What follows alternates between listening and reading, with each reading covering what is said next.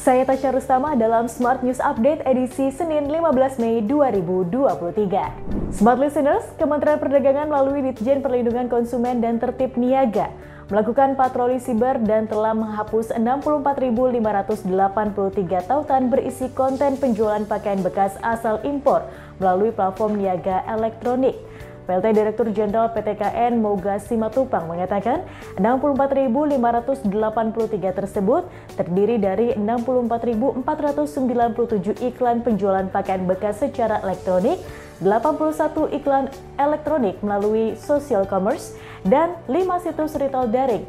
Hal ini berdasarkan patroli siber yang dilakukan sejak Maret 2023.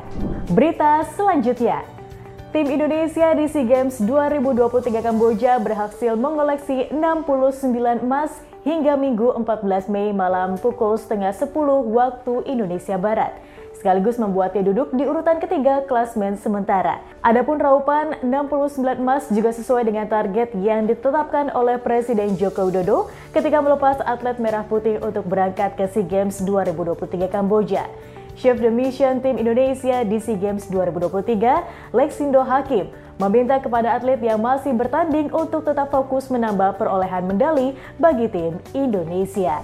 Berita terakhir, Asosiasi Petani Tebu Rakyat Indonesia mengusulkan harga pokok penjualan gula di tingkat petani sebesar Rp15.000 per kilogram. Sekretaris Jenderal APTRI Nur Habshin mengatakan besaran usulan HPP gula tersebut telah mempertimbangkan biaya pokok produksi gula dari sejumlah komponen yang mengalami kenaikan, seperti biaya pemakaian pupuk non-subsidi, upah tenaga kerja, dan biaya transportasi.